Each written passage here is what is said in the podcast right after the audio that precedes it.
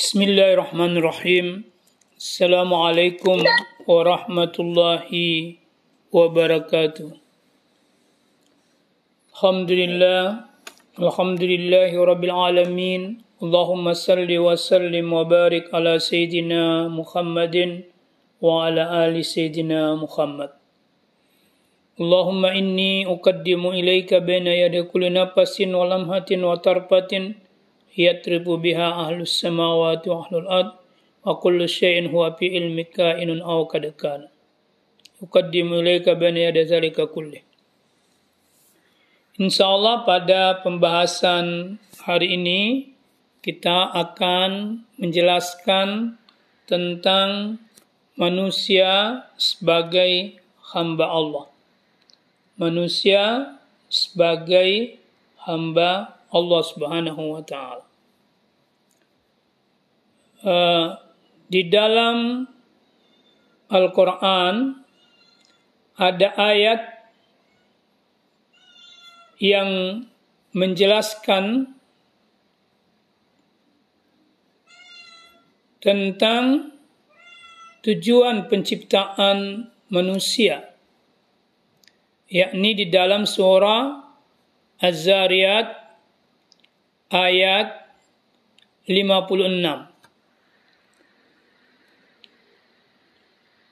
yang berbunyi A'udzu billahi minasyaitonir rajim Bismillahirrahmanirrahim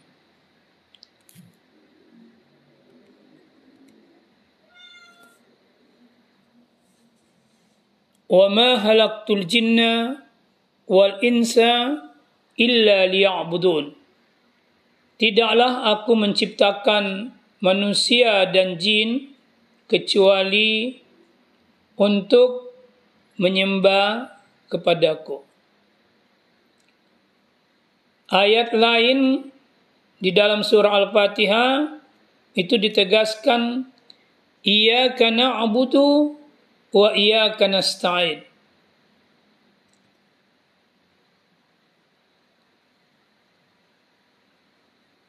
Di dalam surah Al-Fatihah ini menegaskan bahwa tidak ada yang disembah kecuali hanya Allah Subhanahu wa taala. Ini menjelaskan tentang tauhid penghambaan atau dalam pembahasan tauhid dikatakan bentuk tauhid praktis. Sebelum kita lebih jauh menjelaskan tentang apa sebenarnya hak penghambaan itu, maka terlebih dahulu kita akan menjelaskan apa makna penghambaan atau hamba dari segi bahasa. Kata hamba berakar pada kata abada yang menunjuk makna pokok, kelemahan, dan kerendahan atau kekerasan dan keka kekasaran seperti ditulis oleh Ibnu Arab Ibnu Paris di dalam kitabnya Maqaisul Lugha. Dari makna kelembutan dan kerendahan muncul kata abdun yang bermakna mamluk yang dimiliki. Jadi salah satu makna kata hamba itu dalam kamus itu sesuatu yang dimiliki. Kata abdun yang berarti yang dimiliki memiliki bentuk jamak yang pertama adalah bentuk kata ibad yang berarti budak, budak atau hamba sahaya. Yang kedua dia juga berarti hamba-hamba Allah. Dari mana hamba-hamba Allah ini muncullah pemaknaan ibadah yang berarti ketundukan, kepatuhan, ketaatan kepada Allah dengan penuh kerendahan dan kehinaan diri di hadapan Allah Subhanahu wa taala. Ibnu Mansur dalam Lisanul Arab itu mengemukakan beberapa makna kata hamba. Yang pertama berarti budak atau hamba saya lawan dari orang yang merdeka. Yang kedua ber, bermakna ketundukan, kepatuhan dan ketaatan. Dan yang ketiga bermakna menyembah Allah. Yang keempat, hamba itu berarti mengikutinya selalu dan tidak pernah berpisah. Yang kelima, hamba berarti apa yang menghalangimu mengunjungiku, kata Allah. Al-Asfahani mengatakan, kata ibadah atau ubudiyah bermakna memperlihatkan kehinaan. Dan ada adapun kata ibadah berarti menampakkan kehinaan yang lebih besar. Jadi ubudiyah itu menampakkan kehinaan yang lebih rendah dibanding dengan kata ibadah. Kata ibadah betul-betul menampakkan kehinaan sehina-hinanya di hadapan Allah.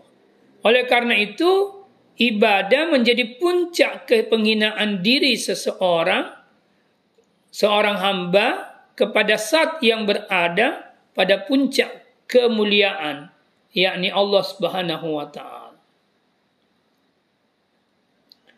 Dari pemaknaan kata hamba yang kita sudah jelaskan tadi, maka kata al-abdu atau seorang hamba itu memiliki empat konotasi makna yang sekaligus menggambarkan empat jenis.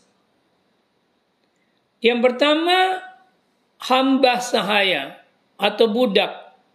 Seseorang yang berada dalam kekuasaan orang lain dan penguasanya dapat memperjualbelikannya.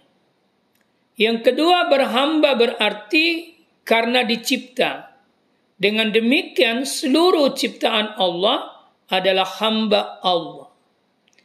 Anjing karena diciptakan Allah maka dia menjadi hamba Allah. Tikus demikian pula. Dan tumbuhan-tumbuhan dan apa saja yang diciptakan oleh Allah itu disebut hamba. Makna yang ketiga, hamba dalam arti penyembahan kepada Allah dengan penuh ketundukan dan kerendahan serta cinta dan keikhlasan untuk mendekatkan diri kepada Allah Subhanahu wa taala. Yang keempat adalah jenis hamba yang senantiasa memperbudak dirinya kepada dunia. Ia adalah hamba yang selalu melayani dan berkhidmat kepada dunia seluruh hidup dan kehidupannya hanya untuk kepentingan dunia. Orang seperti ini disebut budak dunia.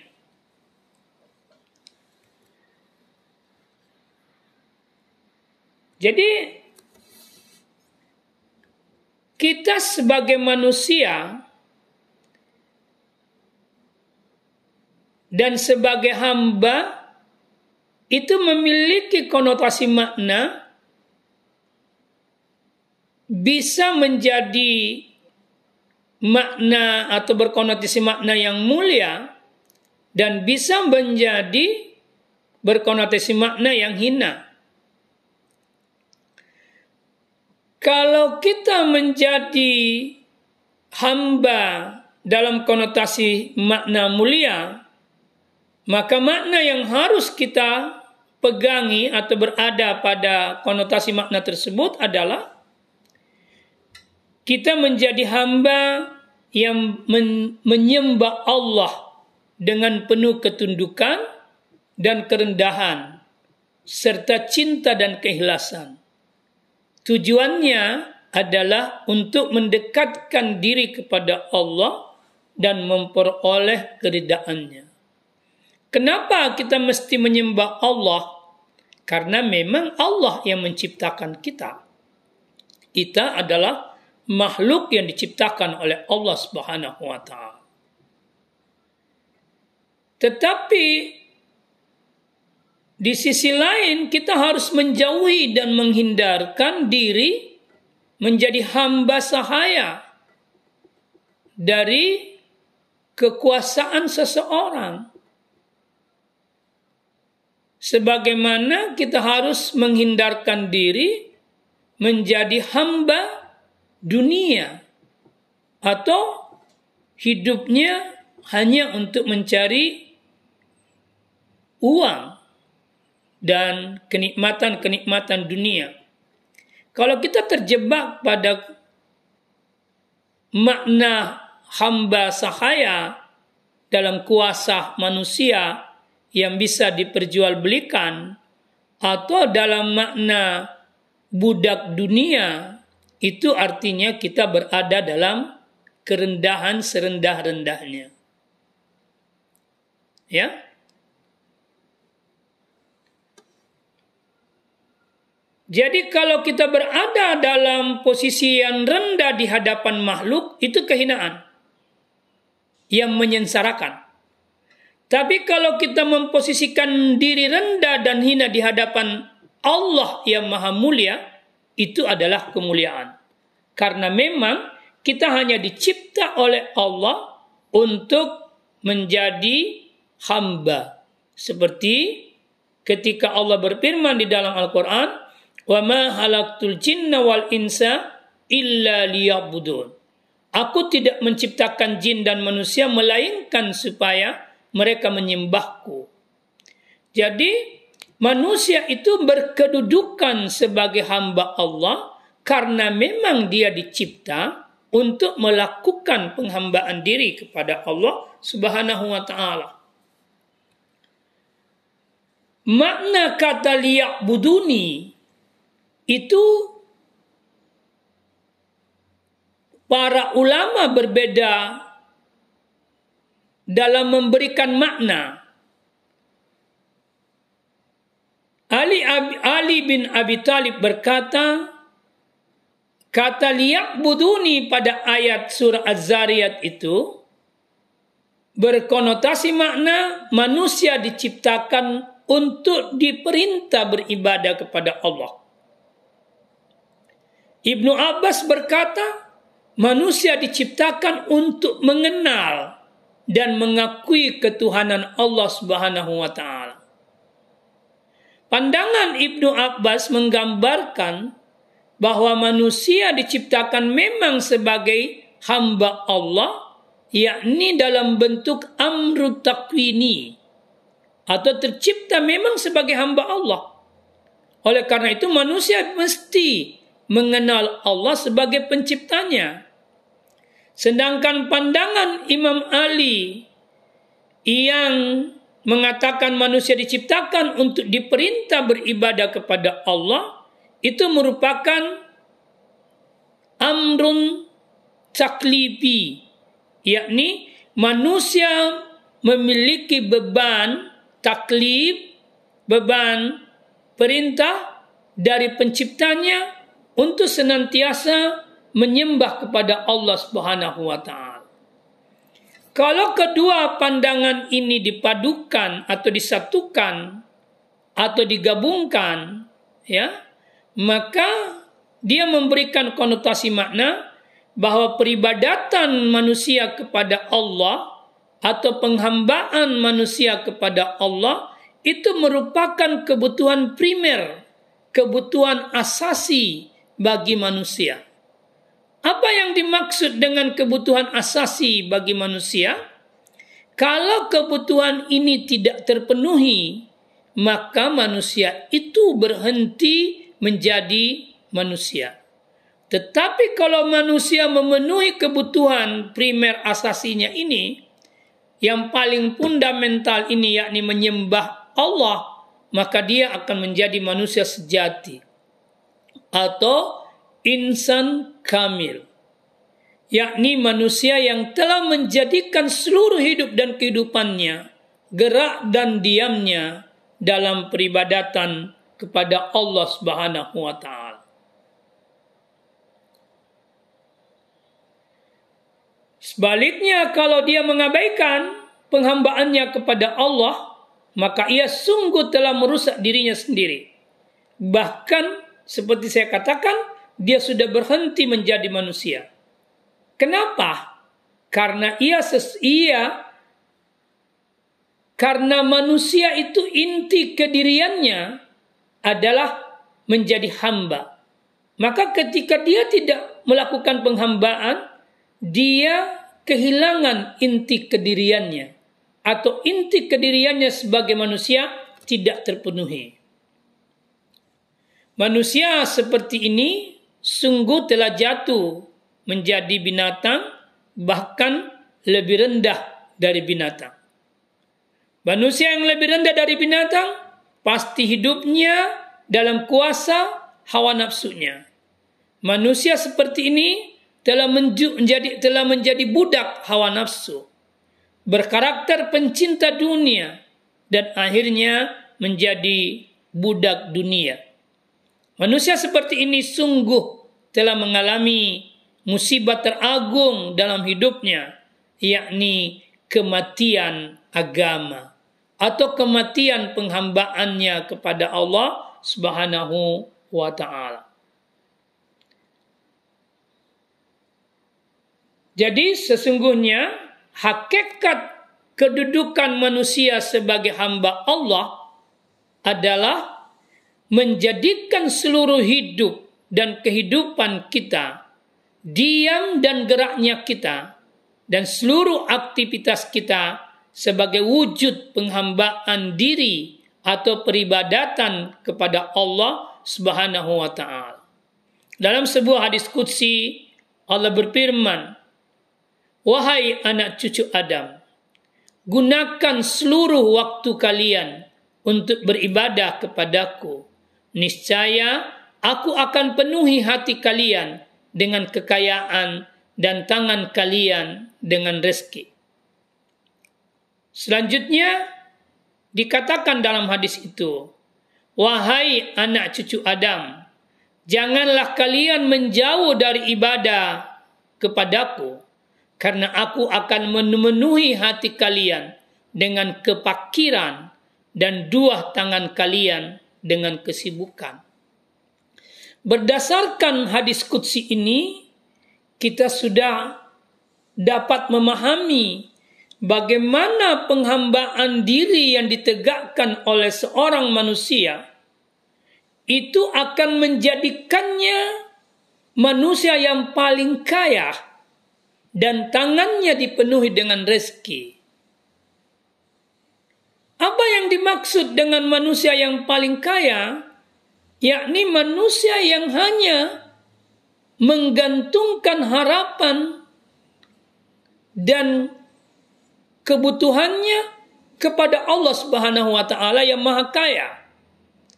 Karena itu Allah memenuhi seluruh kehidupannya, kebutuhannya. Dia tidak menggantungkan harapan dan kebutuhannya kepada manusia.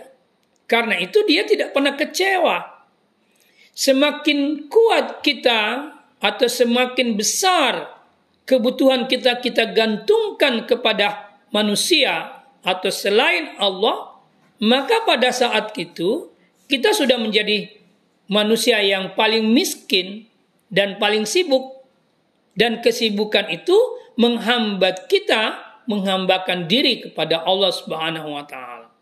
Karena itu Allah mengatakan Jangan kalian menjauh dariku, jangan kalian tidak menegakkan penghambaan kepadaku, karena kalian akan menjadi pakir.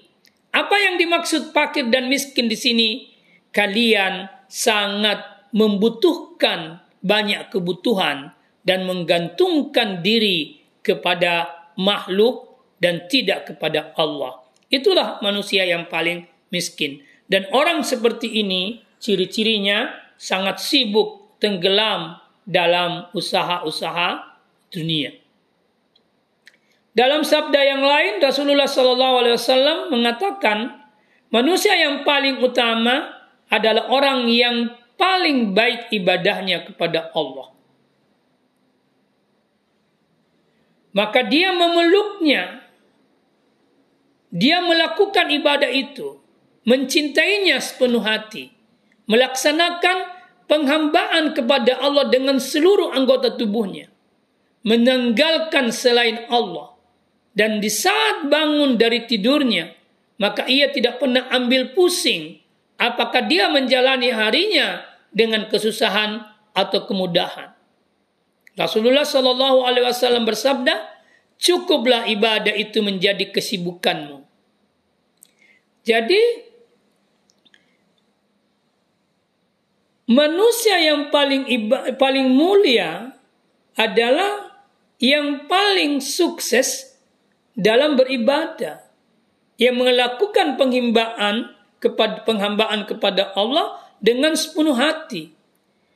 Orang seperti ini cirinya kalau sudah sampai pada hakikat penghambaan itu tidak ambil pusing lagi apakah dia dalam kesusahan atau dalam kemudahan. Susah dan mudah itu sudah sama baginya. Susah dan mudah itu sudah menjadi sarana baginya untuk senantiasa menghambakan diri kepada Allah Subhanahu wa taala. Dalam keadaan susah dia menghambakan diri kepada Allah, dalam keadaan mudah pun dia menghambakan diri kepada Allah Subhanahu wa taala. Ada contoh kasus yang diajarkan di dalam Al-Qur'an terkait kualitas hamba atau penghambaan seperti ini. Itu misalnya dalam kasusnya Nabi Ayub alaihi salam.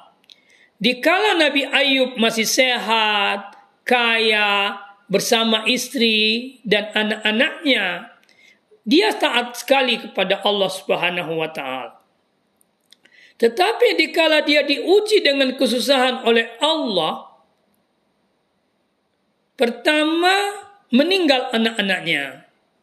Dia masih saja beribadah kepada Allah yang kedua, dia diuji dengan kemiskinan. Dalam kemiskinannya pun dia masih taat beribadah kepada Allah.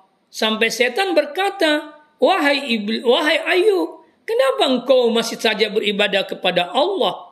Padahal anakmu semua diangkat oleh Allah, kekayaanmu semua diangkat oleh Allah.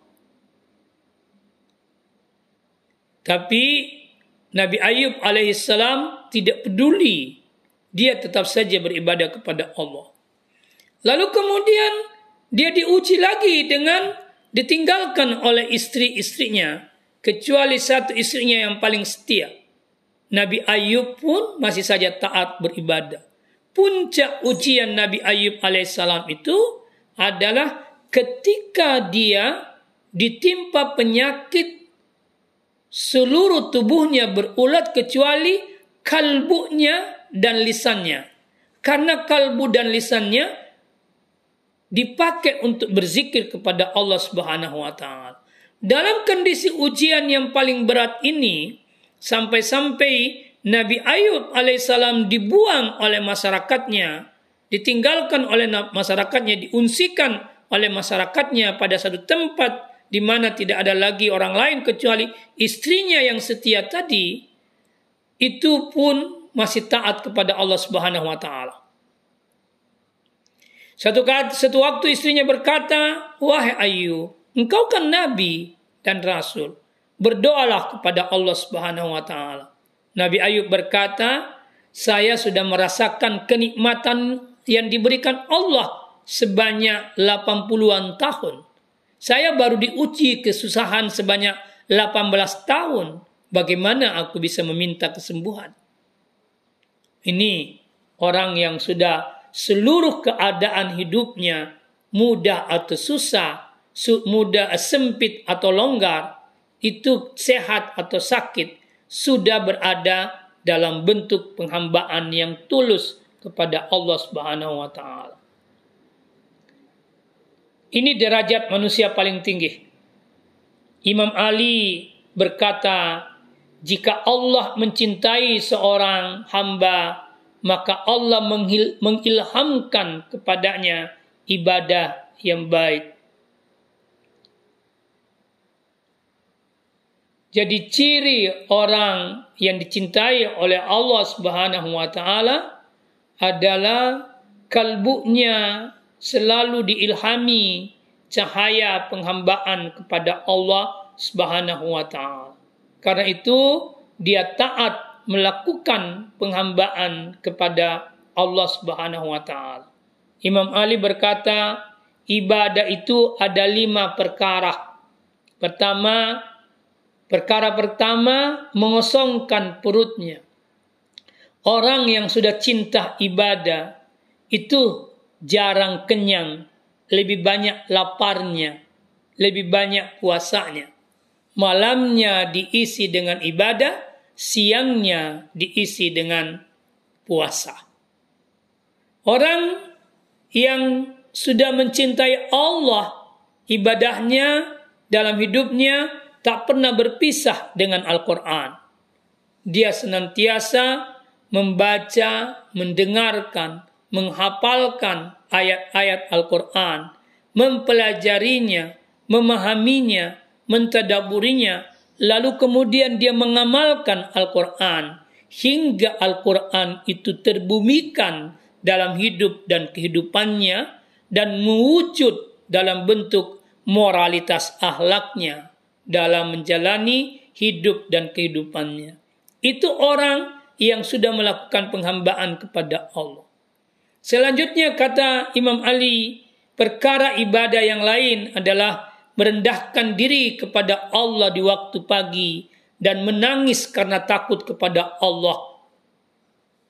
Inilah ciri orang yang melakukan ibadah yang sejatinya yang sejati kepada Allah Subhanahu wa taala. Adapun bentuk-bentuk ibadah Rasulullah Sallallahu Alaihi Wasallam bersabda ibadah itu memiliki 10 bagian. Sembilan bagian darinya adalah mencari rezeki yang halal. Ah, jadi sebenarnya makna ibadah itu sangat luas.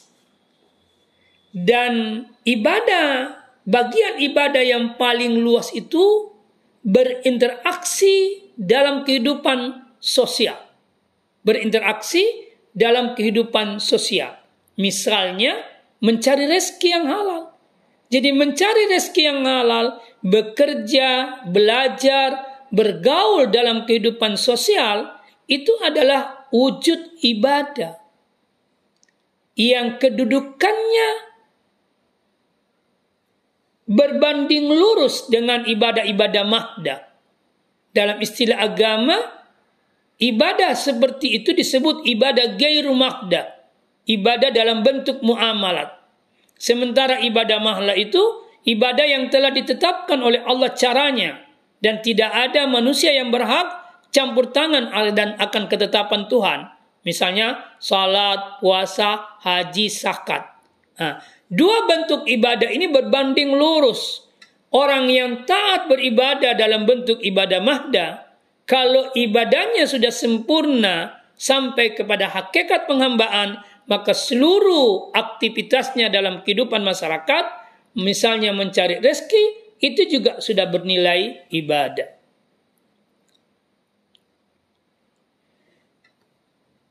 Jangankan itu, memandang orang tua, seorang anak memandang orang tuanya yang didasari dengan kecintaan itu sudah dianggap ibadah oleh Allah Subhanahu wa taala. Dalam riwayat yang lain dikatakan memandang seorang alim itu ibadah. Memandang seorang pemimpin yang adil itu ibadah. Memandang kedua orang tua dengan penuh kecintaan dan kasih sayang itu ibadah. Memandang saudara sesama yang dengan penuh cinta itu juga ibadah. Berbaik sangka kepada Allah itu juga ibadah. Jadi ibadah itu sangat luas. Memikirkan dan merenungkan penciptaan langit dan bumi, kata Imam Ali, itu ibadahnya orang-orang yang ikhlas. Bertutur kata dengan lembut dan menebarkan salam, kata Imam Ali, itu termasuk ibadah. Menyenangkan hati orang lain termasuk ibadah. Kata Rasulullah SAW, ibadah yang paling utama adalah mempelajari ilmu untuk mengenali Allah. Ibadah yang paling besar pahalanya, yang paling berat susahnya dilakukan. Ibadah yang dilakukan dengan tetap memakan makanan yang haram sama dengan bangunan yang dibangun di atas pasir atau di atas air. Jadi kalau kita beribadah dari sabda Nabi yang terakhir ini mesti kita terhindar dari hal-hal yang haram. Karena ibadah yang ditegakkan di atas hal-hal yang haram itu sama dengan tidak beribadah. Makanya di, diberi perumpamaan bangunan di atas pasir atau di atas air. Tidak ada bangunan yang bisa tegak di atas air. Ibadah yang ditegakkan dengan hal-hal yang haram itu tidak mungkin bisa menjadi tegak. Pada kesempatan lain, Imam Ali juga berkata, ibadah yang paling utama menjaga kesucian dan kemuliaan diri. Jangan pernah jatuh dalam persinahan. Jangan pernah jatuh dalam kebiasaan-kebiasaan buruk atau mengalahkan ahlak-ahlak tercelah itu juga ibadah. Bersikap zuhud, merasa cukup dengan apa yang Allah berikan kepada kita itu juga merupakan ibadah yang paling utama. Dari sekian yang kita jelaskan tentang ibadah, maka kita bisa berkata bahwa ibadah yang paling utama adalah mengenali Allah dan merendahkan diri kepada Allah.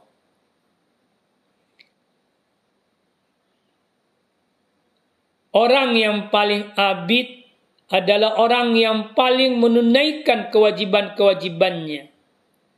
Ya, Tentu kita punya kewajiban-kewajiban baik kepada Allah maupun kepada orang tua maupun kepada sesama manusia khususnya kepada sesama muslim dan kepada kedua orang tua. Karena itu sekali lagi kalau ingin menjadi mulia maka beribadalah kepada Allah. Tegakkan salat, tegakkan puasa, zakat, dan uh, ber, uh, berhaji jika mampu. Pikirkanlah ciptaan-ciptaan Tuhan, maka engkau akan menjadi manusia yang paling mulia di sisi Allah Subhanahu wa taala. Yang terakhir adalah Allah ada tiga macam pelaku dan kualitas ibadah. Yang pertama adalah orang yang beribadah kepada Allah karena takut, maka ibadahnya adalah ibadah para budak.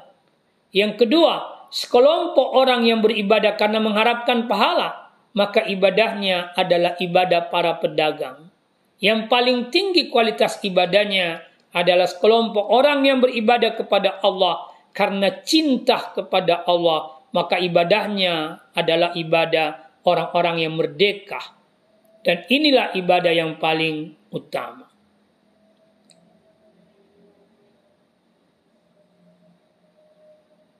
Hal lain yang tak, tak kalah pentingnya untuk disebutkan atau dijelaskan adalah hal-hal yang merusak ibadah.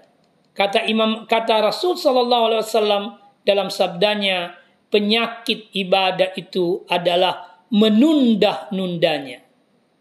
Nabi Isa berkata, dengan sejujurnya aku katakan kepada kalian, sebagaimana seorang sakit yang tidak merasa tertarik kepada makanan yang lesat pada saat dia sakit, maka begitu pula para budak dunia tidak akan memiliki ketertarikan dan semangat untuk beribadah dan tidak merasakan manisnya ibadah karena apa yang dia rasakan dari manisnya dunia.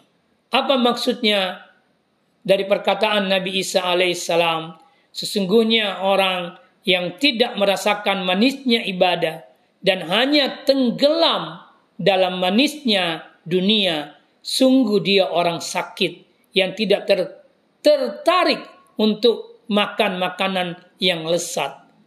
Manisnya dunia itu tidak lebih lesat daripada manisnya beribadah kepada Allah Subhanahu wa taala. Saya kira itu yang saya bisa jelaskan tentang hakikat ibadah. Sekali lagi, mudah-mudahan dari penjelasan saya men, eh, mengantar kita mengerti bagaimana tujuan dan kedudukan kita sebagai hamba Allah Subhanahu wa taala, yakni menegakkan penghambaan diri kepada Allah seikhlas-ikhlasnya dengan penuh cinta kepada Allah dan penuh kerendahan di hadapan Allah. Dengan begitu, kita akan menjadi manusia yang paling utama di sisi Allah dan paling mulia di sisi Allah. Terima kasih. Assalamualaikum warahmatullahi wabarakatuh.